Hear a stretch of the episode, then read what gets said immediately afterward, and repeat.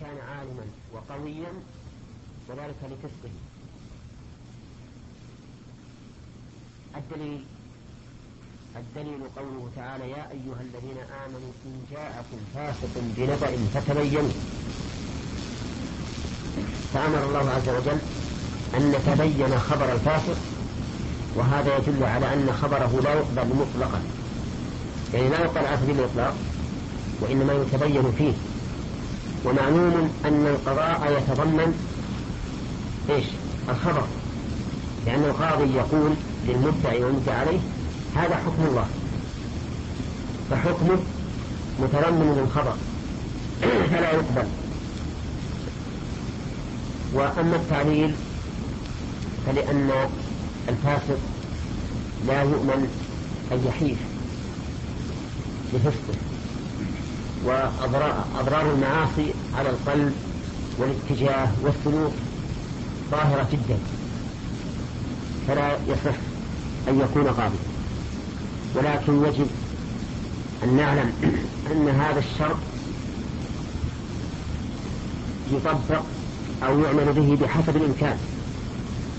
فإذا لم نجد إلا حاكما فاسقا فإننا نوليه ولكن نختار أخف الفاسقين فسقا لقول الله تعالى فاتقوا الله ما استطعتم.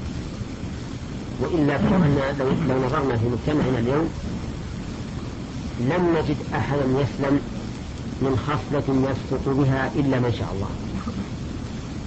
الغيبة كيف؟ موجودة بكثرة. موجودة بكثرة. التغيب عن العمل والإصرار على ذلك وكونه لا يأتي إلا بعد الدوام بساعة ويخرج قبل الدوام بساعة مثلا الإصرار على هذا فسق. لأنه ضد الأمانة خيانة وأكل وأكل للمال بالباطل. لأن كل شيء كل راتب تأخذه في غير عمل فهو من أكل المال بالباطل. لو نظرنا أيضا إلى مجتمعنا لوجدنا كثيرا من الناس يتهاون بإسلام الثوب. يتهاون بإسلام الثوب ولا همه إلى أسفل نجد أيضا كثيرا من الناس يتهاون بالنيل من لحيته. إما حلقا أو تقصيرا. فإذا كنا لا نجد الناس من يجمع أو من يتصف بصفة العدالة فإن نولي أخف الفاسقين فسقا. طيب. يقول عدلا سميعا. يشترط أن يكون سميعا أو أن يكون قوي السمع سميعا. ضده الأصم. ضده الأصم.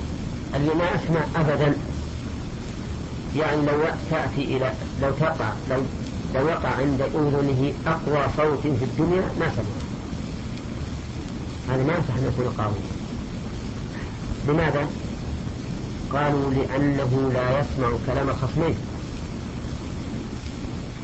أولا الخصمان لا يتكلمان أكبر كلام أو أشد صوت بأشد صوت ما سمع وظاهر كلامهم أنه لا لا يصح أن يكون قاضيا ولو أمكن إيصال كلام الخصمين إليه عن طريق الكتابة؟ أو الإشارة. لأن أني أدركت رجلا كان لا يسمع أبدا. لو تسوى البندق جنب إذنه ما سمع لكنه يكتب ويعرف الإشارة معرفة عظيمة. وكان معه لوح حجر. الذي كان كله الحجر؟ ها؟ اللي يكتب فيه. بالبنسل ها؟ ويمسح معه لوح حجر صغير يضع في مخباته إذا لقاك الشرط هكذا السلام عليكم. ثم طلع اللوح قال يعني كان كان أخبار ولا شيء. ولهذا كان من أعلم الناس في الأخبار حتى أخبار الدول وغيره. يعلمه لأنه حريص على تلقي الأخبار سبحان الله العظيم. يحس بنفسه إنه إذا لم يفعل هذا ما ما علم بشيء. فتجده اذا لقي أي اي واحد سلم عليه وطلع هذا من جيبه وقال فكان عنده علم كثير. طيب كلام الفقهاء الآن يقتضي أن الأصم لا يصح أن يكون قاضيا ولو فهم كلام الخصمين في الإشارة أو في الكتابة أما بالإشارة فقالوا إنه لو فهم بالإشارة قد لا يحسن الخصم الإشارة. قد لا يحسن يحسن الخصم الإشارة ولا لا؟ قد يشير بشيء يتصوره القاضي شيئا آخر. نعم. ربما يشير هكذا فيحسب القاضي أنه أن خصمه قد ضربه بجمعه. نعم. وهو يريد خمسة. وقد يعني الإشارات تختلف. على كل حال يقول الإشارة ما تنفع. لكن الكتابة الكتابة بحروف واضحة مقروءة. يكتب الخصم ثم يعرض على القاضي ثم يطلب من المدعى عليه مثلا الدفاع أو الإقرار. ويكتب ذلك. هذا ممكن ولا لا؟ نقول هذا ممكن. فإذا كانت العلة في منع نص الأصم قاضيا هي عدم أو هي عدم سماع الخصمين فإننا نقول إذا أمكن أن تصل حجة الخصمين إلى هذا القاضي بأي وسيلة؟ زالت العلة ولا لا؟ زالت العلة. تزول العلة وإذا زالت العلة زال الحكم. طيب. ها؟ يكتبه ما يكون عنده واحد يكتب كمترجم. طيب يقول بصيرا بصيرا يعني قوي البصر. لا بصيرا يعني غير أعمى. فالأعمى لا يصح أن يكون قاويا لماذا؟ بل لأنه لا يعرف المدعي من المدعى عليه. لا يعرف المدعي من المدعى عليه لأنه أعمى. فربما يتكلم أحدهما مقلدا للآخر. مقلدا للآخر فيحسب أنه هو ذلك المقلد ولا لا؟ لأنه لأنه لا يميز الأشياء إلا بالصوت والصوت يمكن تقليده ولا ما يمكن؟ ها؟ يمكن يقول المدعي أنا أدعي على فلان بن فلان بعشرة آلاف ريال فيقول القاضي ماذا تقول؟ فيقلد ذاك صوت المدعي يقول نعم عندي له عشرة آلاف ريال فبناء عليه يحكم. فيقول إنه لا يعرف المدعي من المدعى عليه وتشتبه عليه الأصوات فربما يحكم لمن ليس له الحق بسبب ذلك. ولكن هذا التعليل علي الواقع لأننا نشاهد أن الأعمى يدرك بحسه السمعي أكثر مما يدرك البصير بحسه السمع. وعنده إدراك قوي بحاسة السمع. ويعرف الأصوات. وأما وأما معرفة من هو المدعي من المدعى عليه فهذا حاصل لكل أحد. المدعي من إذا سكت ترك والمدعى عليه من إذا سكت لم يترك. فالصحيح أنه لا يشترط أن يكون بصيرا وأن الأعمى يصح أن يكون قاضيا صحيح أن البصير أكمل لكن كونه شرطا بحيث إذا لم نجد إلا أعمى فإننا لا نوليه؟ فهذا غير صحيح. قال متكلما. متكلما لماذا؟ لأن الأخرس إذا كان قاضيا كيف يكلم الخصمين؟ يقول لا لابد ينطق. ينطق لأن المسألة تحتاج إلى إلى تصريح. تصريح مفهوم. والإشارة قد تكون مفهومة وقد تكون غير مفهومة. طيب إذا كان يكتب إذا كان يكتب فإنه يزول المانع في الواقع.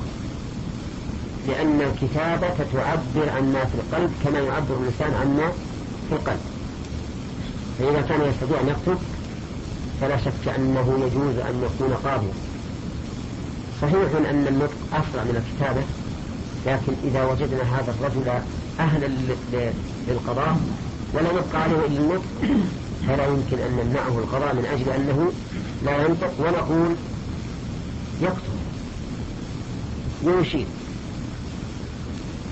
والإنسان الملازم للشخص يعرف إشارته كما يعرف نطقه بلسانه وهذا شيء مشاهد. نحن نعرف الأخرس إذا كان حوله أحد. من, من أبناء أو أب أو زوجة أو أم. تجدهم يعرفون من إشارته كما يعرفون من نطقه تماما. والأخرس أحيانا يشير بيده وأحيانا يشير بشفتيه. ونحن قد شاهدنا بعض الفرس يشير بشفتيه إلى أبيه. فيعرف أبوه ما يريد. يعرف ما يريد. يشير ينتدري وإلى أبوه ذهب وآتى بماء. وما تدري لكن أشار بشفتيه وذاك يعرف يشير فإذا أبوه قام فأتى بمبخرة كيف؟ بإشارته فهذا المشي فهذا العارف بالإشارة إذا كان إلى جانب القاضي. يكون كالمترجم له. أليس كذلك؟ فالمترجم يترجم العبارة وهذا يترجم الإشارة. ولا فرق. إذا المتكلم نقول إن اشتراط كون القاضي متكلما فيه نظر. وأنه يجوز أن يولى الأخرس بشرط أن تكون إشارته معلومة أو كتابته مقروءة. فإذا حصل هذا أو هذا صح أن يكون قاضي. طيب.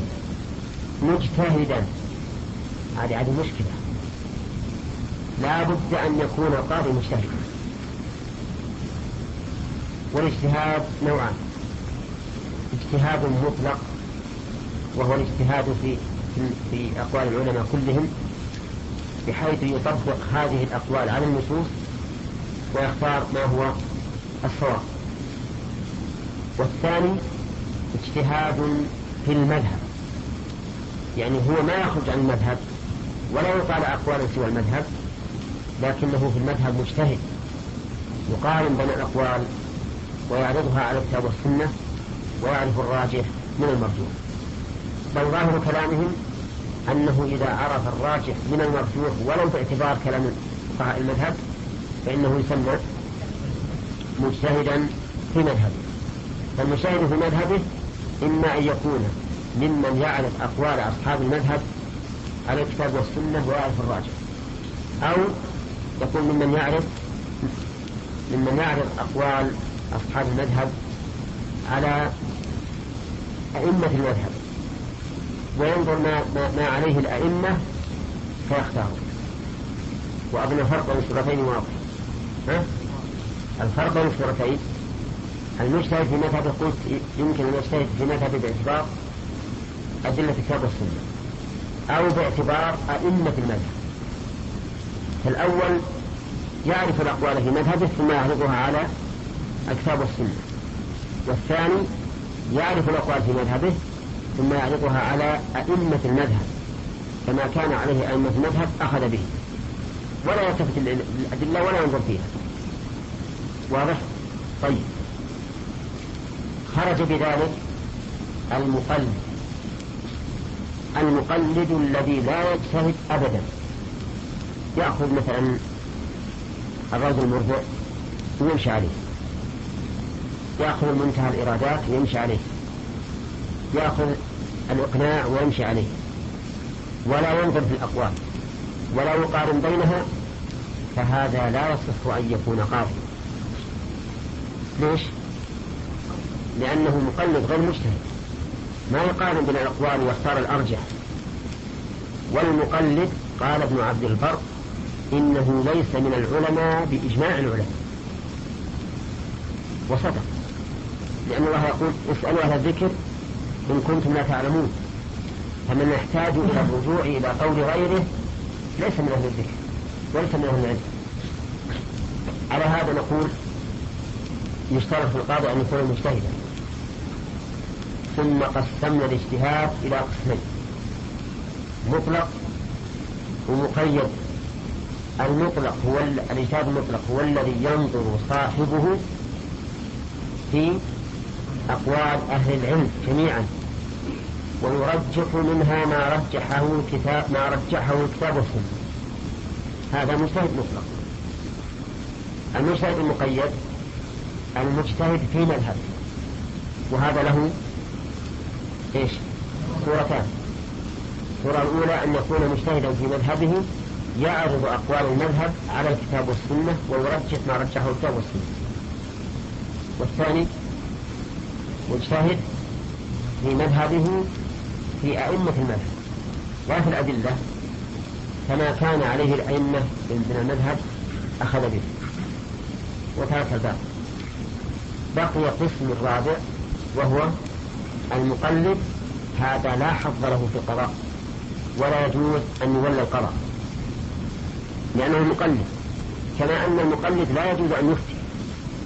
المقلد لا يجوز أن يفتي وإنما إذا أراد أن يفتي ودعت الضرورة إلى سؤاله يقول قال الإمام أحمد قال صاحب الكافي قال صاحب الإقناع فينسب القول إلى قائله.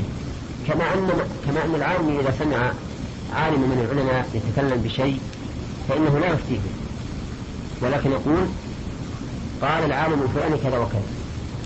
لأنه يعني لم يصل إلى درجة الفتوى حتى يصدر القول من عند نفسه. ولكن ينسب القول إلى قائله. كالصحابي يقول سمعت رسول الله صلى الله عليه وسلم يقول كذا وكذا.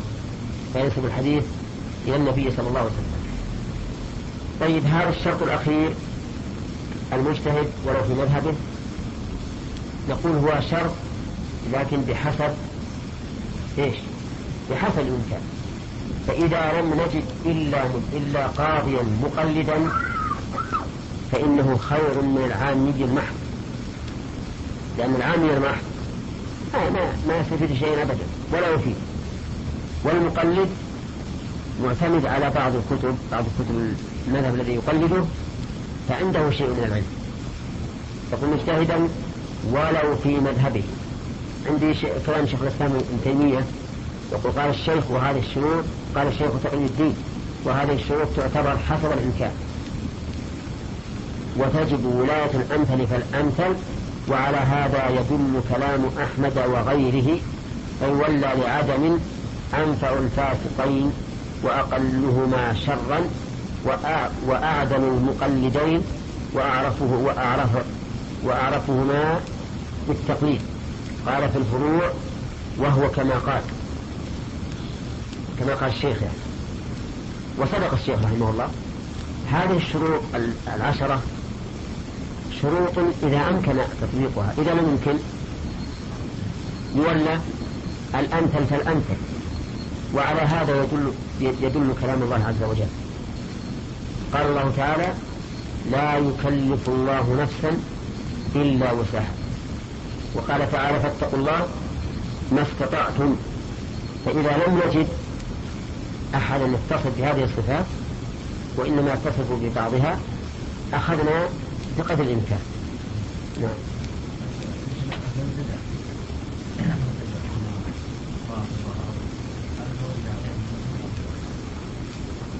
لا.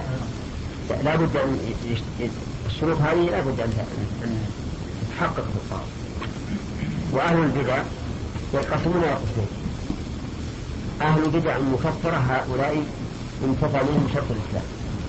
وأهل البدع المفسقة هؤلاء انتفى منهم صفة العذاب هنا.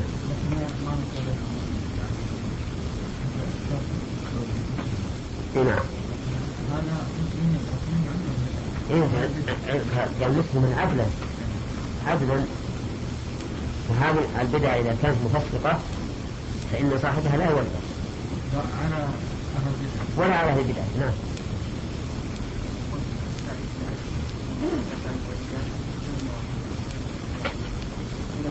نعم.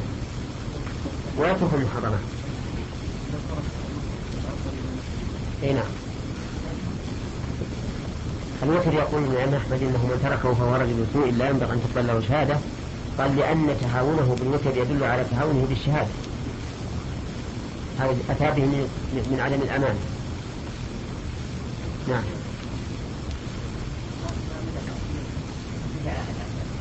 إيش؟ إي نعم. البدعة يقولون إنها إذا كانت بدعة مكفرة للمجتهد فهي مفسقة للمقلد. كل بدعة تكفر المجتهد فهي تفسق المقلد. يعني المقلد ما عنده علم نعم. نعم.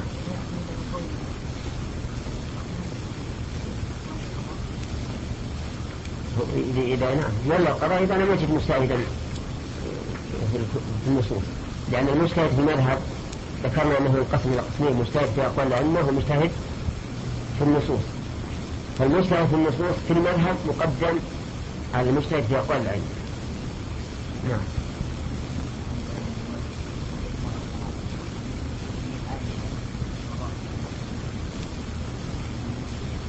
إي نعم.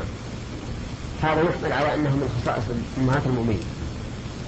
من خصائص أمهات المؤمنين وإذا شئنا أن نقول إنه انطبق عليها الحديث. وهي وش الحديث يقول؟ لن يفلح قوم ولوا امرهم امرأة. فقد حصل بهذا شر عظيم. نعم. أين؟ المملوك هو العبد الذي يباع ويشترى. والمولى هو المعتق ويطلق على المولى من أسفل يقال هذا مولى بن عمر أي عتيق ها؟ إيه يولى المولى يولى على القضاء نعم.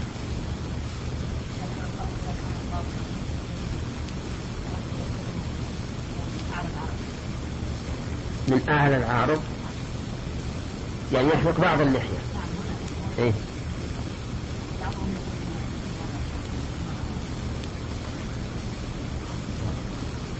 اللي نرى أن هذا حرام لأنه من اللحية. نعم. مسألة هذا الفسق الفسق بفعل المعاصي. هذا سيأتينا إن شاء الله في كتاب الشهادات البحث فيه.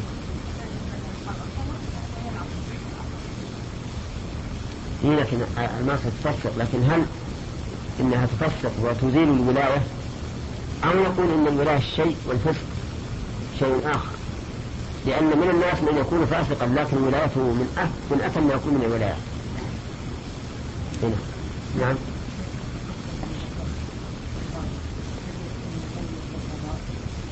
لا بالقضاء وغير القضاء كل ما استشار فيه العدالة فإنه يعتبر بما ذكرنا في القاضي؟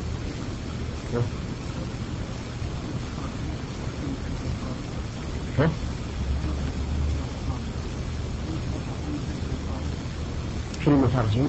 لا ما يشترط لا يشترط فيه الأمانة فقط والقوة. نعم. نعم. نعم. نعم لا المتأول ينظر هل لتأويله وجه؟ وهو مما يسوق فيه الاجتهاد فلا يفسر. وإلا لكنا لو قلنا بذلك لفسقنا كل من خالفه. وفسقنا هو أيضا. هو يعتقد أنه فسقه ونحن نعتقد أنه فاسق.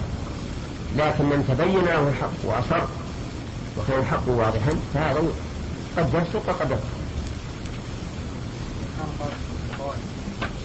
نعم ما يولد لابد أقول لابد أن أن أن يكون عدلا.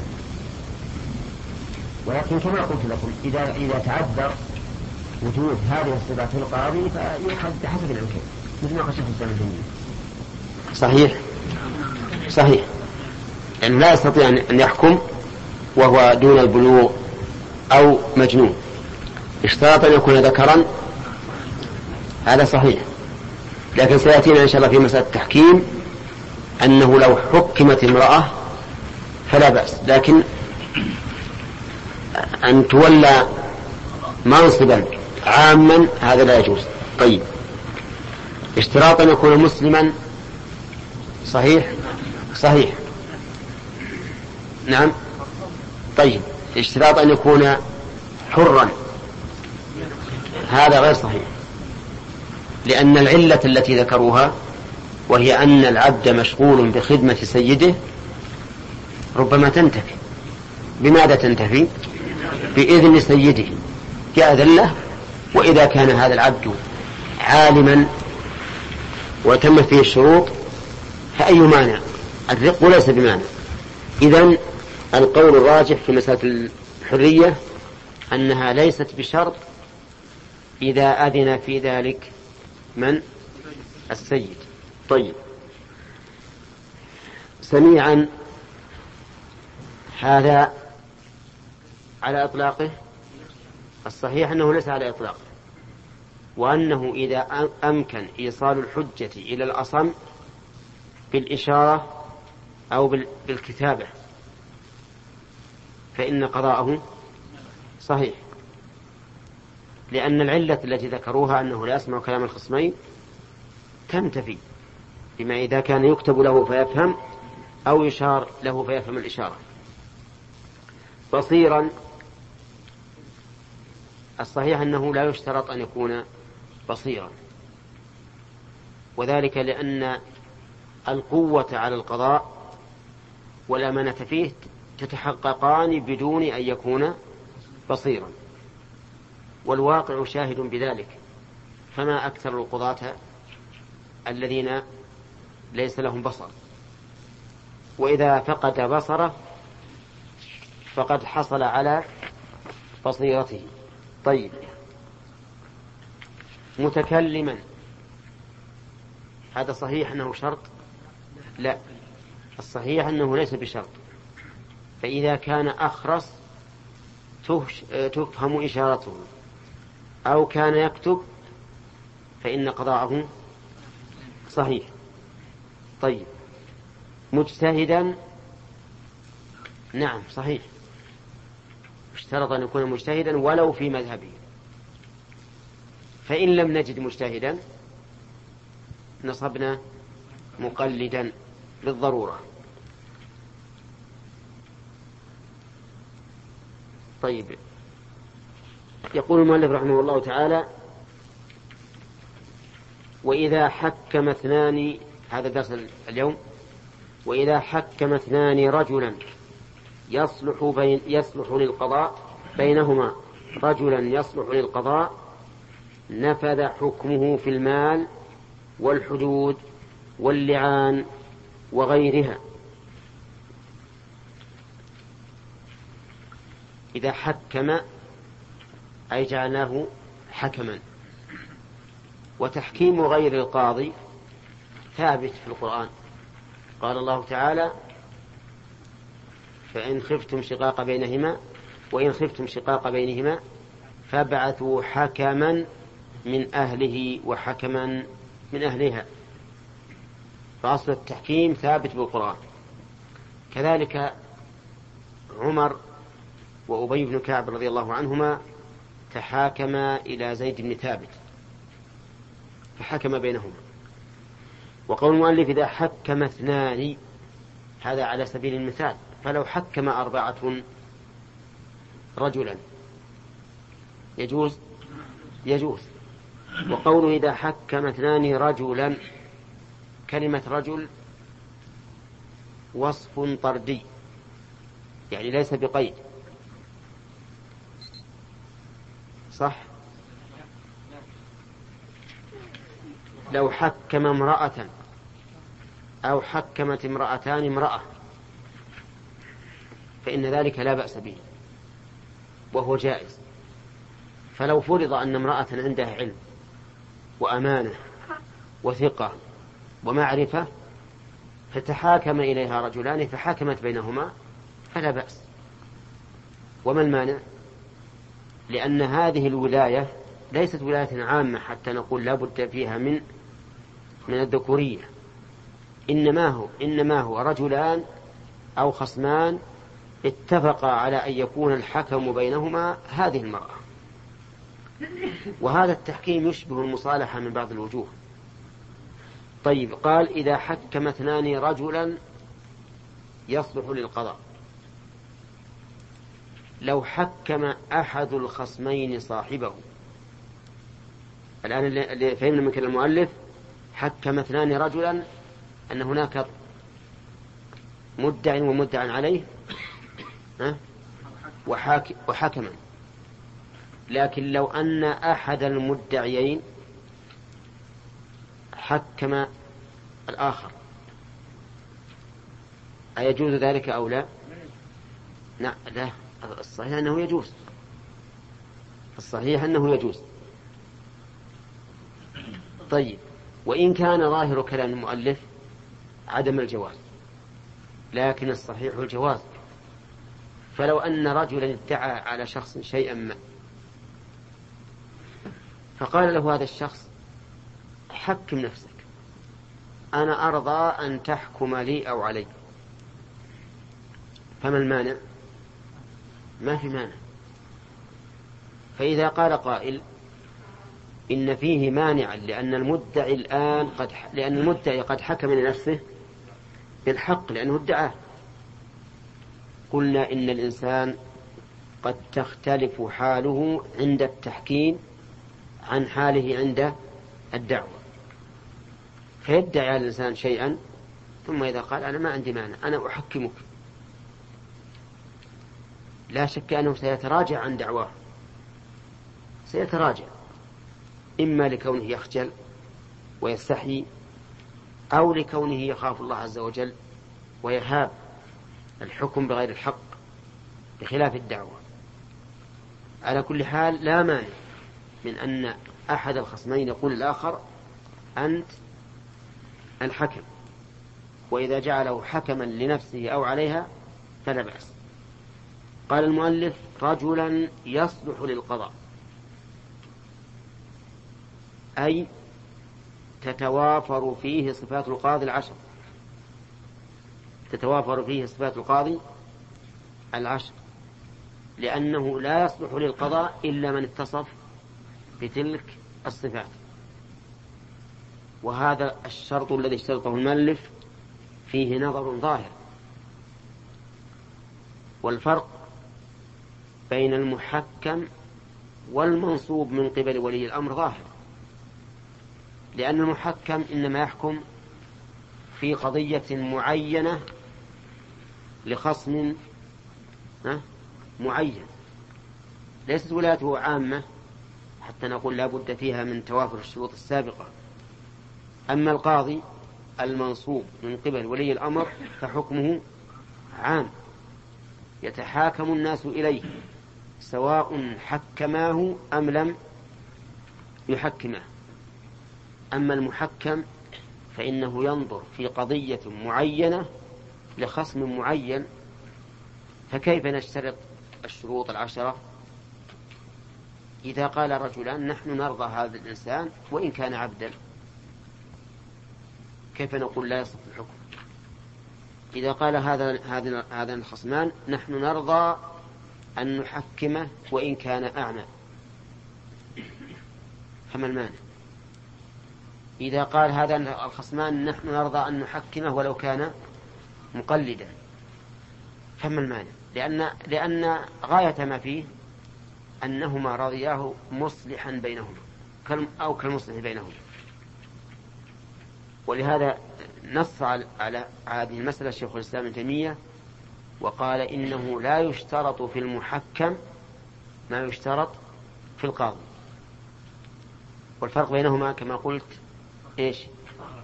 هو أن الحاكم منصوب من قبل ولي الأمر فحكومته ولاية. وأما هذا فهو محكم من قبل خصم معين في قضية معينة. فهو يشبه المصلح بين خصمين. قال المؤلف نفذ حكمه في المال. كيف في المال؟ مثل إيش؟ مثل إيش يعني؟ نفذ حكمه في المال. مثل ما في ذمتك لي مئة درهم. والثاني يقول ليس عندي شيء. قال طيب من ترضى؟ نروح للقاضي. قال لا ما إحنا رحنا للمحكمة. نفتضح. من ترضى يحكم بيننا؟ قال أرضى أن يحكم بيننا فلان. فذهب إلى فلان وحكم بينهما بما تقتضيه الشريعة. يجوز ولا لا؟ يجوز وينفذ الحكم. طيب فإن اتفقا عليه أن يحكم بينهما ثم رجع أحدهما عن ذلك وامتنع بعد أن اتفق على أن يحكم بينهما فلان قال أحدهما للآخر أنا تراجعت عن ذلك وأريد أن يحكم بيننا القاضي. نعم. هل له ذلك؟ نقول ينظر في هذا. إن كان قد شرع في الحكم فلا يملك الرجوع. إن كان المحكم قد شرع في الحكم فإنه لا يملك الرجوع. لماذا؟ لأنه ربما يتراجع إذا تبين له من كلام المحكم أن الحق عليه. أما إذا كان قبل ذلك فلا بأس. إذا كان قبل أن يتحاكم أي قبل أن يصل إلى مجلس الحكم فلا بأس في هذا. على كل حال نقول إذا شرع المحكم في القضية فلا فلا رجوع. وقبل شروعه في القضية يجوز الرجوع. طيب ونفذ حكمه في الحدود. هل هناك حد يكون بين متخاصمين الجواب نعم. مثل حد القذف. فإن حد القذف يكون بين متخاصمين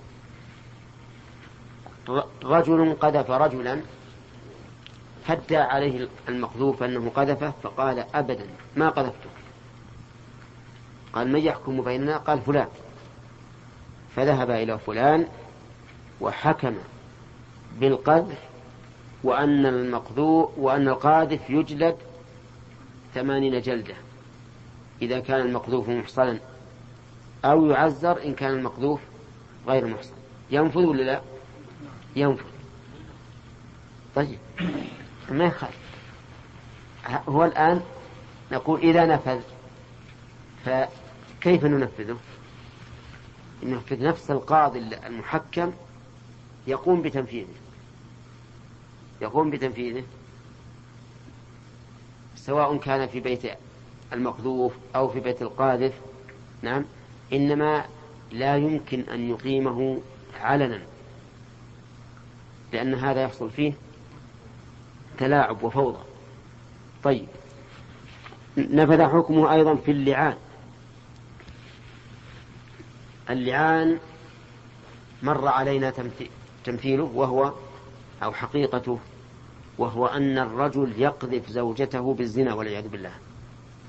فيقول إنها زنت. هذا لا يخلو من أحوال. الحال الأولى أن تقر. الحالة الثانية أن تنكر ويأتي بشهود.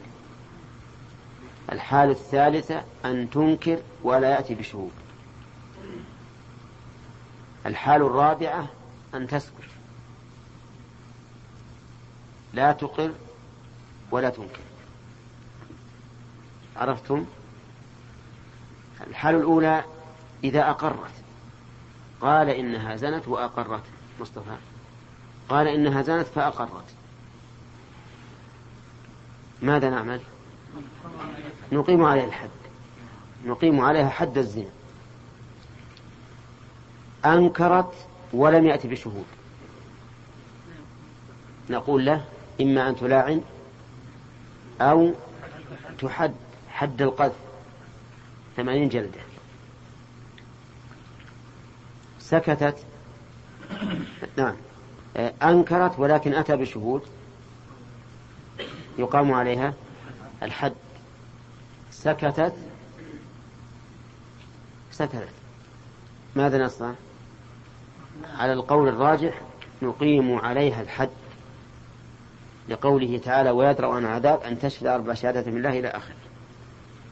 وقيل تحبس إلى أن تقر أو تلاعن. أو يأتي ببينة. طيب على كل حال رجل قذف امرأته بالزنا فطالبته. قالت له ثبت وإلا أنا أطلب أن تحد حد القذف. فقال إلى إلى أي أحد تريدين أن نرجع إليه؟ أن نرجع. قالت نرجع إلى فلان فنحكمه. فتحاكم عنده وقضى باللعان بينهما. يجوز ولا لا؟ يجوز. قال واللعان وغيرها. نعم. ما حاجة القاضي هذا الرجل والقاضي. طيب يقول وغيرها وش غيره؟ كالحقوق الزوجية مثلا كالميراث كالودائع كالرهون كالأوقاف كل شيء. المهم أنهما إذا حكما رجلا صار هذا المحكم كالقاضي المنصوب من قبل ولي الأمر. ينفذ حكمه في كل شيء. ثم قال المؤلف رحمه الله باب آداب القاضي. آداب القاضي يعني أخلاقه التي يطالب أن يكون عليها. هذه الآداب. فالآداب هي الأخلاق. آداب القاضي يعني الأخلاق التي يطالب أن يكون عليها إما وجوبا وإما استحبابا. والقاضي من؟ هو المنصوب من قبل ولي الأمر ليقضي بين الناس. ولا يزال مسمى بهذا الاسم إلى يومنا قال ينبغي أن يكون قويا من غير عنف. كلمة ينبغي إذا جاءت في كلام الفقهاء فهي بمعنى يستحب. وإذا جاءت في كلام الله فالمعنى أنها ممتنع. إذا جاءت منفي بصيغة النفي في كلام الله أو في كلام الرسول صلى الله عليه وسلم فمعناها الممتنع. مثال قول مثاله قوله تعالى وما ينبغي للرحمن أن يتخذ ولدا. وش معنى ما ينبغي؟ يعني ما, ما يحسن أن يكون له ولد أو لا. المعنى ما يمكن يعني أنه يمتنع غاية الامتناع. وقال النبي صلى الله عليه وسلم إن الله لا ينام ولا ينبغي له أن ينام. يعني يمتنع عليه النوم. أما كلمة ينبغي في كلام الفقهاء فهي بمعنى يستحب. إذا قالوا لا ينبغي لا يستحب. إذا قالوا ينبغي يعني يستحب. طيب. يقول ينبغي لكن هذا في اصطلاح الفقهاء على سبيل العموم. أما الإمام أحمد رحمه الله فإن أصحابه يقولون إذا قال لا ينبغي فهو للكراهة وقد يكون للتحريم. قال ينبغي أن يكون قويا من غير عنف. قويا من غير عنف. هذان وصفان. أحدهما ثبوتي والثاني سلبي. الثبوتي أن يكون قويا. يعني له شخصية وله سلطان لا يكون ضعيفا أمام الخصوم. من غير عنف هذه صفة سلبية. يعني لا يكون بقوته عنيفا. لماذا؟ لأنه إذا كان ضعيفا ضاعت الحقوق. وإن كان عنيفا هابه صاحب الحق ولم يستطع أن يدلي بحجته. ولهذا قال بعدها لينا من غير ضعف. نعم. ينبغي أن يكون لينا لأنه لو كان غليظ القلب. فظا. لهابه صاحب الحق. وتلعثم وعجز عن إظهار حجته. ولو كان ضعيفا لضاعت الحقوق. ولعب عليه أهل الباطل. وصار الخصوم عنده يتناقضون كما تتناقض الديكة. نعم. إذا حضرت مجلسه وإذا الصخب واللغب والشتم والسب وهو ساكت يتفرج. هذا قوي ولا لا؟ هذا ضعيف. هذا ضعيف. ولا يمكن أن ولا ينبغي أن يكون هذا القاضي لا ينبغي أن يكون القاضي على هذا الوجه. وإذا كان عنيفا فالأمر أيضا مشكل. لأن العنيف يهابه صاحب الحق ولا يستطيع أن يتكلم. فيكون الإنسان بين بين قويا من غير عنف ولينا من غير ضعف. فإن قال قائل هذه صفات يجبر الله العز العبد عليها. يعني ما الإنسان وإن جبله على الضعف صار ضعيفا ليس أمرا مكتسبا. بل هو أمر غريزي كيف تطالبونه بأمر غريزي ما يستطيع أن يتخلق به؟ الجواب جميع الأخلاق الغريزية أو الصفات الغريزية يمكن أن تتغير بالإكتساب. ولا لا؟ يمكن أن تتغير بالإكتساب. كثير من الناس يكون مثلا عنيفا وشديدا ثم يصاحب رجلا لينا فيلين به ويأخذ من أخلاقه ولا لا؟ وكثير من الناس يكون ضعيفا. ما عنده شخصية لكن يتمرن على تقوية شخصيته حتى يكون قويا. فالفقهاء رحمهم الله ما طلبوا من الإنسان شيئا مستحيلا. طلبوا أمرا إن كان قد جبل عليه فذلك المطلوب. إن لم يجبل عليه يحاول اكتسابه. يحاول أن يكتسبه. وعلى هذا يحمل قول الرسول عليه الصلاة والسلام لمن قال أوصني قال لا تغضب. أوصني قال لا تغضب. هل الرسول عليه الصلاة والسلام نهاه عن أمر جبلي مطبوع عليه الإنسان. الجواب لا لأن النهي عما لا يمكن تنفيذه طلب محال. وتكليف بما لا يستطيع. لكن لا تغضب يعني لا تعود نفسك الغضب. هذا أيضا القاضي الذي أمرناه أو طلبنا منه أن يكون قويا من غير عنف لينا من غير ضعف. إذا قال والله ناس هذه جبلتي. أنا رجل غضوب وشديد وعنيف. نعم. وش نقول له؟ نقول عود نفسك. عود نفسك. والآخر الضعيف. يا رجل تقو خليك هيبة عند الخصم. قال هذا اللي أعطانا الله وش نقول له؟ نقول عود نفسك عود نفسك القوة حتى يكون يكون مجلسك محترما غير منعوب فيه. قال المؤلف حليما حليما يعني بعيد الغضب. حليما يعني بعيد الغضب أو بطيء الغضب. لقول النبي صلى الله عليه وسلم لا تغضب وأحق الناس بهذه الوصية من؟ القضاة. لأنه إذا كان سريع الغضب فإن الغضب جمرة يلقيها الشيطان في قلب ابن آدم فتنتفخ أوداجه وتحمر عيناه.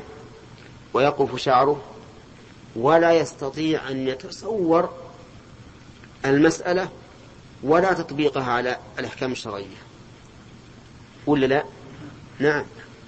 ولهذا قال النبي عليه الصلاة والسلام لا يقضي القاضي وهو غضبان. فالذي ينبغي أن يكون حليما. لكن يكون حليما في موضع الحلم.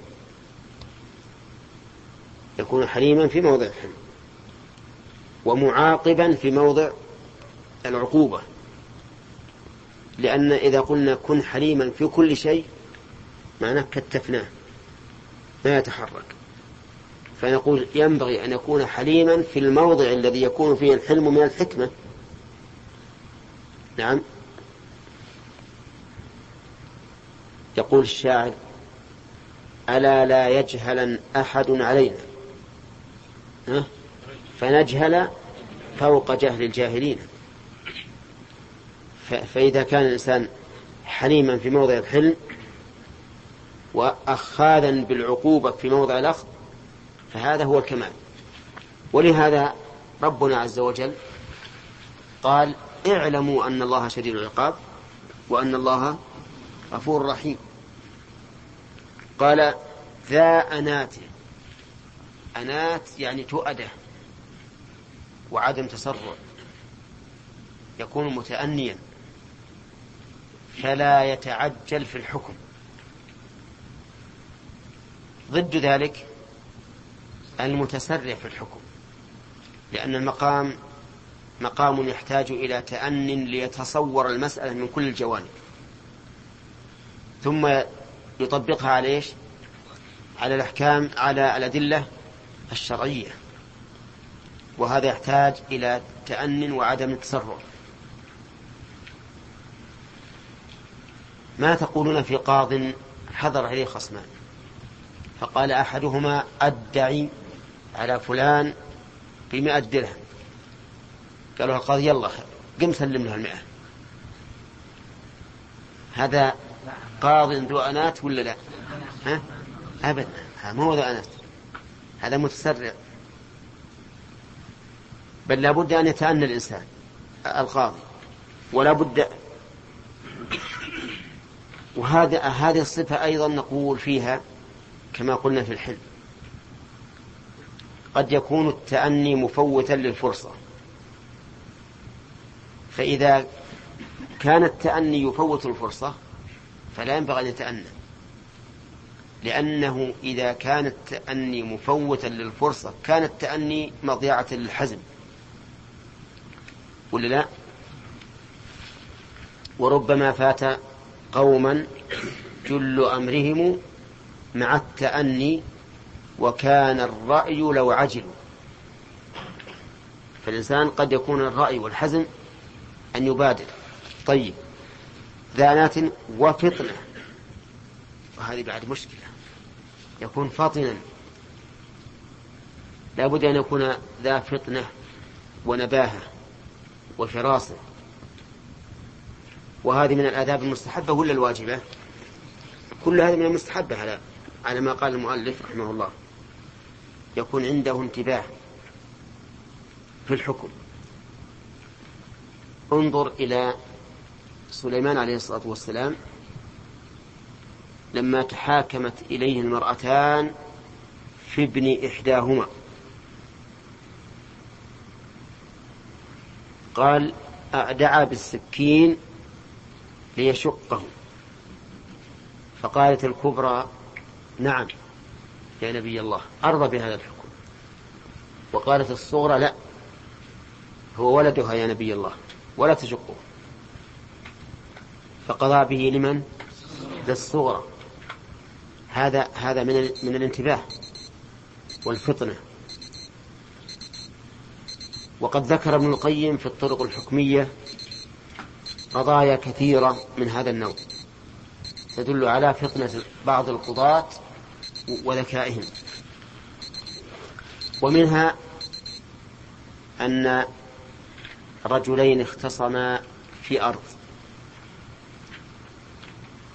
فقال أحدهما للقاضي إنه قد أعطاني الأرض مزارعة بالنصف إيش معنى مزارعة؟ يعني أزرعها أنا وله نصف الزرع. فقال صاحبه أبدا ما أعطيته إياه. القاضي عنده فطنة. بفراسته رأى أن الصواب مع المدعي. رأى أن الصواب مع المدعي. الذي قال إنك قد أعطيتنيها مزارعة. فقال للمدعي هل لك عليه بينة؟ أنه عقد. هذا العقد معك؟ قال لا ما عندي بينة. قال طيب إذا ما عندك بينة فليس لك حق. والرجل حتى لو ثبت أنك قد أنه قد عقد لك المزارعة فهذا الم... هذه القليب يعني بستان وقف. وقف. والرجل اختار للوقف ما هو أنفع. فهو أعطاك إياه بالنصف وجاءه آخر وقال أنا يكفيني الثلث. وما دام ما دام البئر وقفا فأيما أحسن لصاحب الوقف الثلث أو النصف؟ ها؟ الثلثان. يعني أحسن أن يكون الثلث للع... للزارع والثلثان لصاحب البئر. وهذا رجل ناظر وقف وسيحتاط الوقف. ما تقول؟ يقول القاضي لصاحب القريب. ما تقول؟ أليس الأمر كذلك؟ قال بلى نعم هذه فراسة فقال القاضي لصاحب البئر أعط المزارع البئر. والقول ما قاله المزارع. أفهمتم الآن؟ طيب. فمثل هذه الأشياء يعني كون الإنسان القاضي يوهم خلاف الواقع لأجل استنباط الحكم من المدعى عليه أو من المدعي هذا من الفطنة التي ينبغي أن يكون القاضي عليها. نعم. الآن جاء دور الأسئلة نعم. هو الذي يقيم الحدود أليس هذا مع الإمام؟ ونحن نقول إن الحدود لا يقيمها إلا الإمام أي نعم. الحدود ال- ال- التي لله كالزنا هذه للإمام. والحدود التي للآدميين كالقذف هذه للآدمي.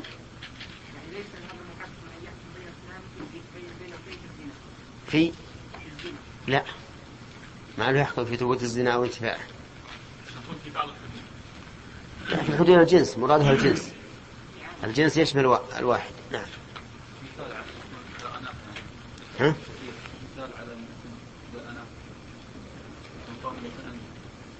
كيف؟ ذكرنا ضد المتأني المتسرع.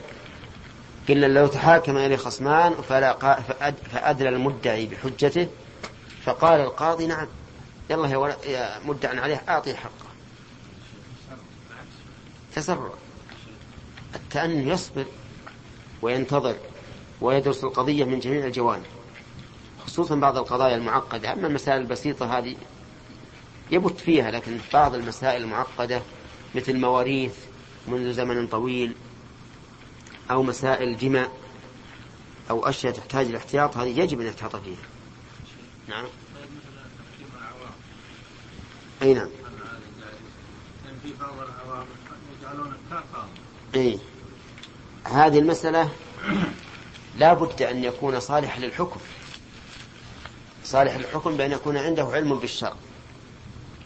أما لو حكم شخصا عاميا يحكم بما اعتاده القبيلة بما اعتادته القبيلة فهذا لا يحكم لا الله بعضهم عامي ولا يعرف الشرع لكن عنده فراسة وعنده يعني عنده من الفراسة والبطن. هذه لا يجعلها حكما يجعلها من باب المصالح إذا لا يجعلها حكما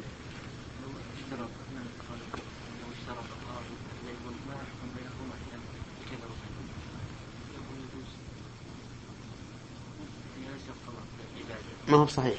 كلامه هذا ما هو صحيح. أقول كلام الفقهاء رحمهم الله في هذه المسألة غير صحيح. يعني الفقهاء يقولون لو قال القاضي للخصمين لا أقضي بينكما إلا إذا أعطيتني مثلها مثلا. فهذا إن كان له رزق من بيت المال فلا شك أن هذا حرام عليه. لأنه يشبه هدايا الغلول يشبه هدايا الغلول وإن لم يكن له شيء من بيت المال فهذا قال بعض الفقهاء يجوز أن يسأل ما يدفع به حاجته. والصحيح أنه لا يجوز. لأن هذا يفتح باب شر ربما القاضي يحكم لمن يعطيه لمن يعطيه أكثر. وربما ترد عليه قضيتان فيقول لأحد لصاحب القضية الأولى فلان أعطانا الفين ريال وأنت ما أعطيتني إلا ألف. اصبر. حتى أقضي لفلان. ففيها مفسدة عظيمة. فالصواب أن هذا ممنوع. وأن القاضي إذا لم يكن له رزق من بيت المال فإن كان القضاء فرض عين عليه تعين عليه أن يفعل لأنه من العبادات وإن لم يكن فرض عين فله أن يقول لا. أقضي إيه؟ الفرق بينهما أن الصلاة عبادة محضة. وهذه فيها حق مالي ما تتمحض أنها عبادة عبادة محضة. ولكن الصحيح أنه لا يجوز حتى لو من من باب الأموال. نعم. قام حد حد القذف مثلا نعم. مات هذا الرجل. مات؟ مات هذا اللي عليه الحد. مات. جلد مات. فهل يضمن هذا الرجل؟ طيب. لماذا مات؟ مات من الجلد يعني أنه آه، تعدى فيه اي نعم. نعم يضمنه. يضمنه. يعني مثلا لما أراد أن يحده أتى بخشبة كبيرة. يقول أبجلك الآن ثمانين جلدة. ثمانين جلدة بخشبة كبيرة تموته. فهذا عليه الضمان. لا شك إذا كان جلد عادي. إيه؟ يعني ما لا لا إذا كان ما في تعدي ولا تفريط ما ما ما يضمن لكن شيخ في دولة مثلا ما ترى. من, من مات في حد ما مرت علينا هذه فالحق قتله. من مات في حد الحق قتله. الله. إذا قال قائل هذه الأخلاق أليست غرائز؟ أليست غرائز؟ يعني أخلاق طبيعية. بعض الناس يكون عنيف بعض الناس يكون حليم بعض الناس يكون متأني بعض الناس يكون عجل. فالجواب أن يقال نعم لا شك أنها غرائز لكن يمكن أن تكتسب. يمكن أن يمرن نفسه أن يمرن الإنسان نفسه على الحلم والتأني وعدم التسرع وعلى الرفق واللين. وكم من أناس كانوا ذوي عنف ذوي عنف شديد. وغلظة لكن بالعلم والأخلاق والآداب وتمرين أنفسهم كانوا على الوجه الذي ينبغي فالإنسان يعود نفسه ولهذا قال الرسول صلى الله عليه وسلم لما قال أوصني قال لا تغضب. طيب. قال المؤلف رحمه الله تعالى وليكن مجلسه في وسط البلد. وليكن مجلسه في وسط البلد. وسط بمعنى متوسط الشيء والوسط بالفتح الخيار. فليكن المجلس في وسط البلد لأنه قاض لأهل البلد كلهم. فلو كان في جانب منه لشق على أهل الجانب الآخر. وعلى هذا فينظر إلى قصبة البلد يعني وسطها ويكون مجلس القاضي هناك سواء كان في بيته أو في مكتب آخر. فسيحا فسيحا هذه خبر آخر ل... ليكن يعني وليكن فسيحا لأنها لأنه قد تكثر الخصوم فيضيق بهم ولأن المكان الفسيح أوسع للصدر وأشرح. فكلما كان المكان فسيحا كان انبساط الإنسان فيه أكثر وصدره أرحب وأوسع. قال قال رحمه الله تعالى و ويعدل من هنا بدأت الآداب الواجبة. قال ويعدل بين الخص- الخصمين. الجملة الاستئنافية هنا ويعدل خبر بمعنى الأمر. يعني يجب عليه أن أن يعدل بين الخصمين لقول الله تعالى إن الله يأمر بالعدل والإحسان وقوله إن الله يأمركم أن تؤدوا الأمانات إلى أهلها وإذا حكمتم بين الناس أن تحكموا بالعدل. ولقول النبي صلى الله عليه وسلم اتقوا الله واعدلوا بين أولادكم. فأمر بالعدل بين الأولاد وكذلك بين بين غيرهم ممن يتساوون في الحق في الحقوق. فيجب أن يعدل بين الخصمين. وقول بين الخصمين يشمل ما إذا كانا كافرين أو مسلمين أو أحدهما كافر والآخر مسلم. فيجب عليه أن يعدل بينهما لأن المقام مقام حكم. يستوي فيه المحكوم جميع يستوي فيه جميع أفراد المحكوم عليهم أو لهم. فيجب أن يعدل بين خصمين أيا كان كانت ديانتهما في لحظه ولفظه ومجلسه ودخولهما عليه. طيب كم هذه؟ أربعة. يعني بينهما في لحظة يعني النظر إليهما. يجب أن نعدل بين الخصمين في النظر إليهما. لا ينظر إلى أحدهما نظرة رضا وإلى الآخر نظرة غضب. إذا نظر إلى أحدهما فإذا عيناه تتطاير شررا وإذا نظر الآخر وإذا عيناه باردتان. هذا لا يجوز.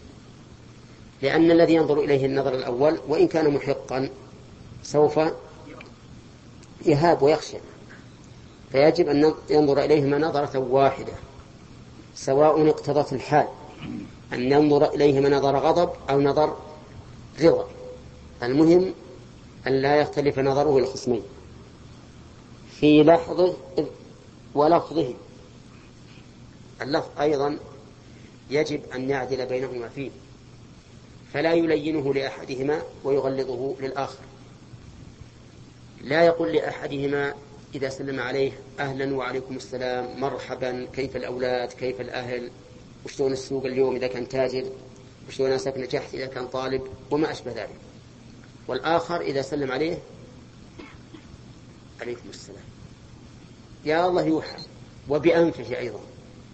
نعم هذا لا يجوز. أيضا لا يجوز أن يحتفي بأحدهما فيسأله عن حاله وماله وأهله والثاني لا يسأل. حتى لو كان قريبه لنفرض أن أحد الخصمين قريبه وأنه لم يره من, من زمن بعيد. فأراد أن يسأله عن أهله لأنهم أقاربه. يجوز؟ لا يجوز. لأنه يمكن يسأله في مكان آخر. أما هنا فالناس سواء. لا يجوز أن يفضل أحدهما على الآخر في اللفظ. طيب لو كان سواء في اللفظ يعني في حروفه وعدد كلماته لكن يتكلم على أحدهما بنهر وشدة والثاني برفق وليد إذن في اللفظ من حيث عدد الكلمات ومن حيث كيفيته ونبرات الصوت. كذلك أيضا مجلسه. مجلسه. يعني ما يخلي واحد على اليمين وواحد يقول روح هناك. نعم. أو واحد يقول تعال هنا على الفراش والثاني روح هناك على الخصاف ما يمكن. يكون المجلس واحد في الدنو منه. وكذلك في نوع ما يجلس عليه. فلا يفضل أحدهما الآخر. واضح؟ ويحكى أن بعض القضاة دخل عليه رجل وحده فجلس إلى جنبه فأكرمه القاضي. أكرمه وسأله واحتفى به فدخل رجل آخر فجلس جلوس عادي في المكان فقال يا شيخ هذا أنا أدعي على فلان بكذا وكذا. قال أنت خصم؟ قال نعم قال قم عن هذا المكان. اجلس مع صاحبك. وهكذا يجب أن يعدل بين الخصمين في مجلسه. كذلك في دخولهما عليه. ما يقدم لا يقدم أحدهما على الآخر. بل يدخلان جميعا. نعم. فلا يقول لأحدهما مثلا إذا وقف أمامه عند الباب لا يقول تفضل يا فلان. بل يدخلان جميعا. أو يختصمان فيما بينهما. إن قدم أحدهما الآخر فالحق لهما. لكن باعتبار أن القاضي يدخل أحدهما قبل الآخر هذا لا يجوز. لأن هذا خلاف إيش؟ خلاف العدل. ولا شك أن المقام مقام عدل وأنه لو خولف العدل في هذا المكان لأفضى إلى بطلان حجة من له الحجة وانتصار من ليس له حجة. فالواجب العدل. طيب فإن كان الباب لا يسع إلا واحدا. ها؟ يقرع بينهما. إلا إذا اختار أحدهما أن يقدم صاحبه. نعم فالحق لهما. فإن قلت أفلا نقدم الأكبر؟ قلنا لا. المقام مقام عدل. ما نقدم الأكبر. ولا نقدم الأقرب. ولا نقدم الأشرف. ولا نقدم الأوضع. بل نقول الحق لكما أن تدخلا جميعا واختصما فيما بينكما. طيب هذه أربعة أشياء يجب عليه أن يعدل بين الخصمين فيها. طيب في السلام. إذا سلم أحدهما فهل يرد عليه السلام؟ أو ينتظر لعل الآخر يسلم؟ ها؟ يرد السلام. لأن هذا سبق حقه بفعله. الذي سلم سبق حق الرد عليه بفعله. بفعل الخصم مو بفعلي أنا. فإذا سلم يقول والله ما أرد عليك السلام لأن سلم صاحبك علشان أعدل بينكما.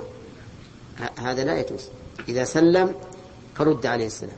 طيب سلم أو سلم أحدهما واكتفى به الآخر ثم جلس. ثم جلس. فانبسط إليه الآخر أحد الخصمين وكان يسأله كيف أنت كيف حالك وشنو الأثر اللي معك وشلون عيونك وشلون أذانك وشلون سنونك وش نقول ها؟ هل يقول اسكت؟ ولا يسكت حتى ينظر إلى الخصم الآخر؟ ها؟ كيف؟ أي نعم. إن سكت مصيبة الحقيقة.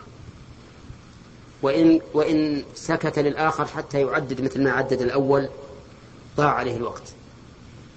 فإذا نقول من يوم يأتي بالشيء الذي لا بد منه عند السلام والتحية يقول ما قضيتكما؟ فيبادر حتى لا يضيع عليه الوقت.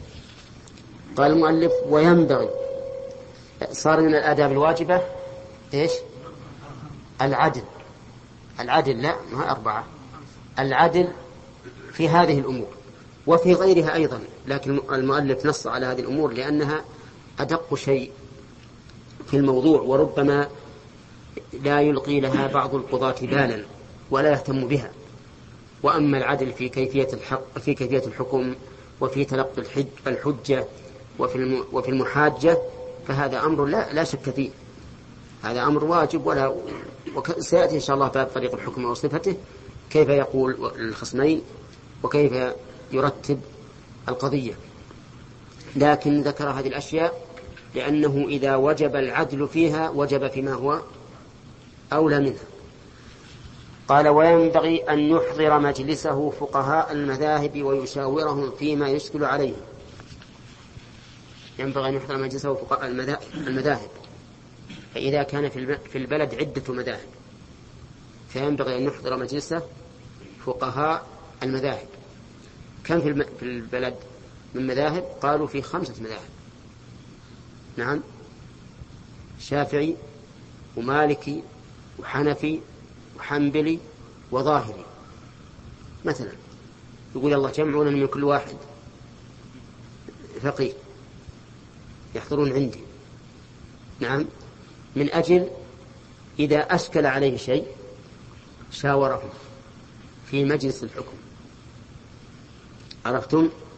هكذا قال المؤلف رحمه الله تبعا لغيره من من من فقهاء المذهب أنه ينبغي للقاضي أن يحضر الفقهاء ليشاورهم فيما يشكل عليه.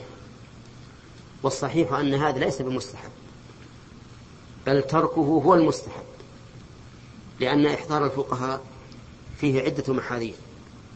المحذور الأول أن من القضايا ما يحب الخصمان أن يكون سرا لا يطلع عليه أحد. فإذا أحضر أناسا قد لا يحتاج إليهم قد لا تشكل عليه المسألة فيحتاج إلى مشاورتهم. فإذا أحضر أحدا فإن الخصمين يخجلان من ذلك. ثانيا أنه قد يكون بعض الفقهاء من الثرثارين المتكلمين. الذي يحرص على أن يخطف كلمة فينظر إلى أكبر مجلس فيجلس متربعا نعم ويتحدث. حضرت عند القاضي وحضر عنده فلان بن فلان وقال فلان كذا وقال الآخر كذا نعم, نعم وعلى أصواتهم عند القاضي وسكتهم القاضي ثم عاد ثم يذكر كل القضية. فتنتشر قضايا المسلمين بين الناس. يبدأ الناس يعلقون فيها ويلفظون ثالثا أن في ذلك إضعافا لجانب القاضي. كيف هذا؟ يقول هذا القاضي ما يقضي إلا والناس عنده الفقهاء. معناه أنه ما عنده علم. معناه أنه ما عنده علم. ولا لا؟ فيضعف جانب القاضي أمام الناس.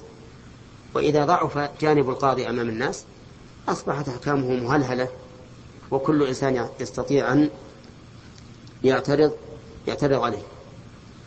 رابعا أنه إذا اختار فقهاء المذاهب كان في هذا إظهار للفرقة بين الناس لأننا نحب أن نقلل الخلاف ما استطعنا. وأن لا نقول وش مذهب فلان؟ وأنت علي مذهب؟ وما أشبه هذا؟ فإن الواجب أن يحشر الناس كلهم بقدر الاستطاعة على قول واحد وهو ما دل عليه كتاب الله وسنة رسوله صلى الله عليه وسلم. أما أن نظهر الفرقة الفرقة بين الناس بالفرق فهذا أمر لا ينبغي ولهذا دائما بعض العامة يجون يستفتون يقولون أبيك تفتينا على مذهب الشافعي على مذهب الحنف الحنفي وما أشبه ذلك. نقول لهم المذاهب كلها سواء كلها ترجع إلى شيء واحد كتاب الله وسنة رسوله صلى الله عليه وسلم. في واحد من هذه المحاذير يكفي بأن نقول إنه لا ينبغي أن يحضر مجلسه الفقهاء. طيب ماذا يصنع فيما يشكل عليه؟ يرجئ المسألة. نحن نقول ليس كل قاض يكون مستعدا للعلم بكل ما يرد عليه من قضية ولكن إذا أشكل عليه شيء فالواجب عليه أن يرجع الحكم. ويقول للخصمين اذهب وأتيا بعد يوم أو يومين أو ثلاثة حسب ما يظن أن المسألة تتطلبه من وقت ثم يراجعها بنفسه ويشاور العلماء الذين في بلده أو الذين في خارج بلده مثل وقتنا الحاضر يستطيع القاضي وهو في مجلس الحكم أن يتصل بأي عالم يثق بعلمه ويشاوره يحكم أليس كذلك؟ طيب إذا ما قاله المؤلف هذا فيه نظر بل هو ضعيف والصواب أنه لا ينبغي. قال المؤلف ويحرم القضاء وهو غضبان كثيرا.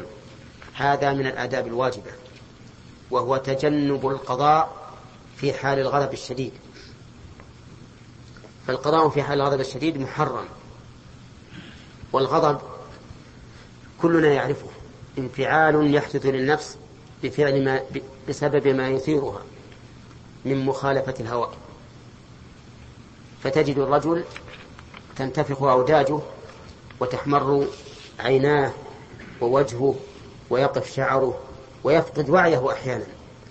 أحيانا تصل الحال بالغضبان إلى أن لا يدري أفي السماء هو أم في الأرض ولا يدري ما يتكلم به. والغضب ثلاثة أقسام غاية وابتداء ووسط.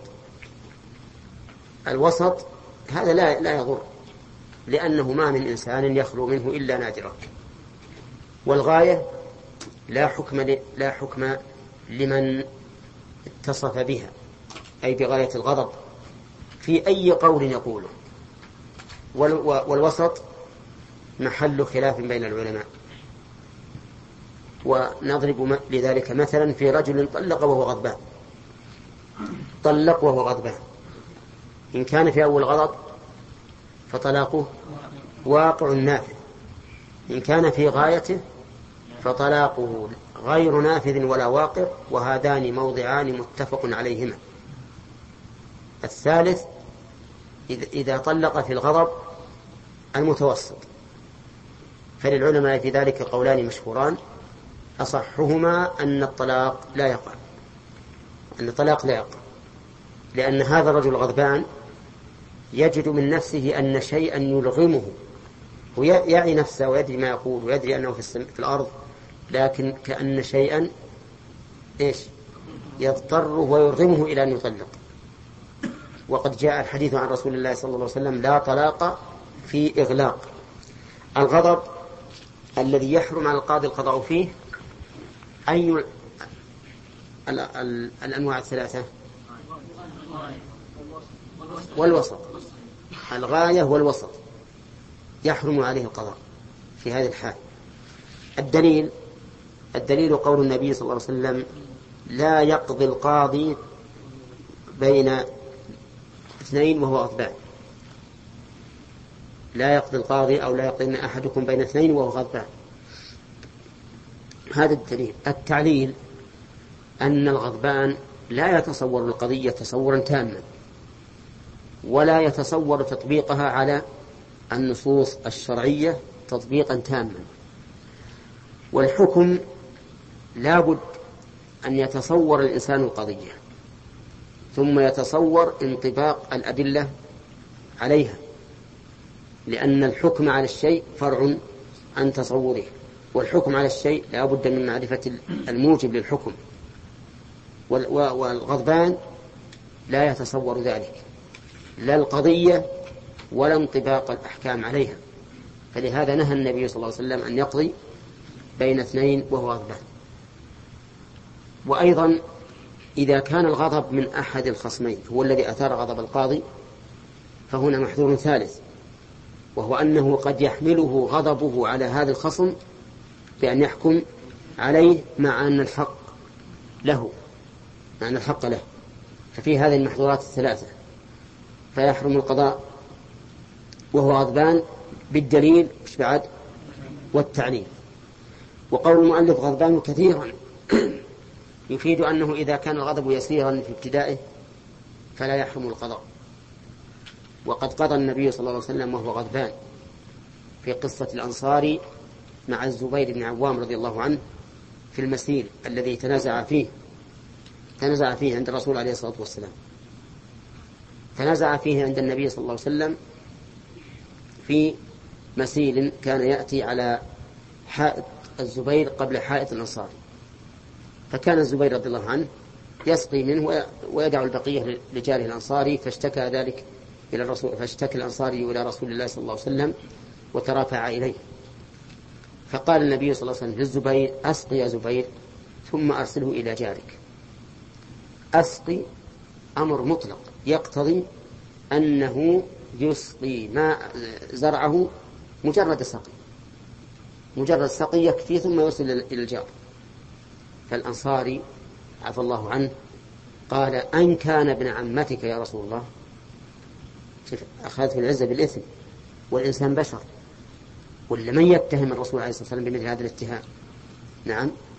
فغضب النبي عليه الصلاة والسلام. غضب انتقاما لنفسه ولا انتقاما لله؟ انتقاما لله. لأنه يحكم بأمر الله وشرعه ما هو بنفسه وهو غضب.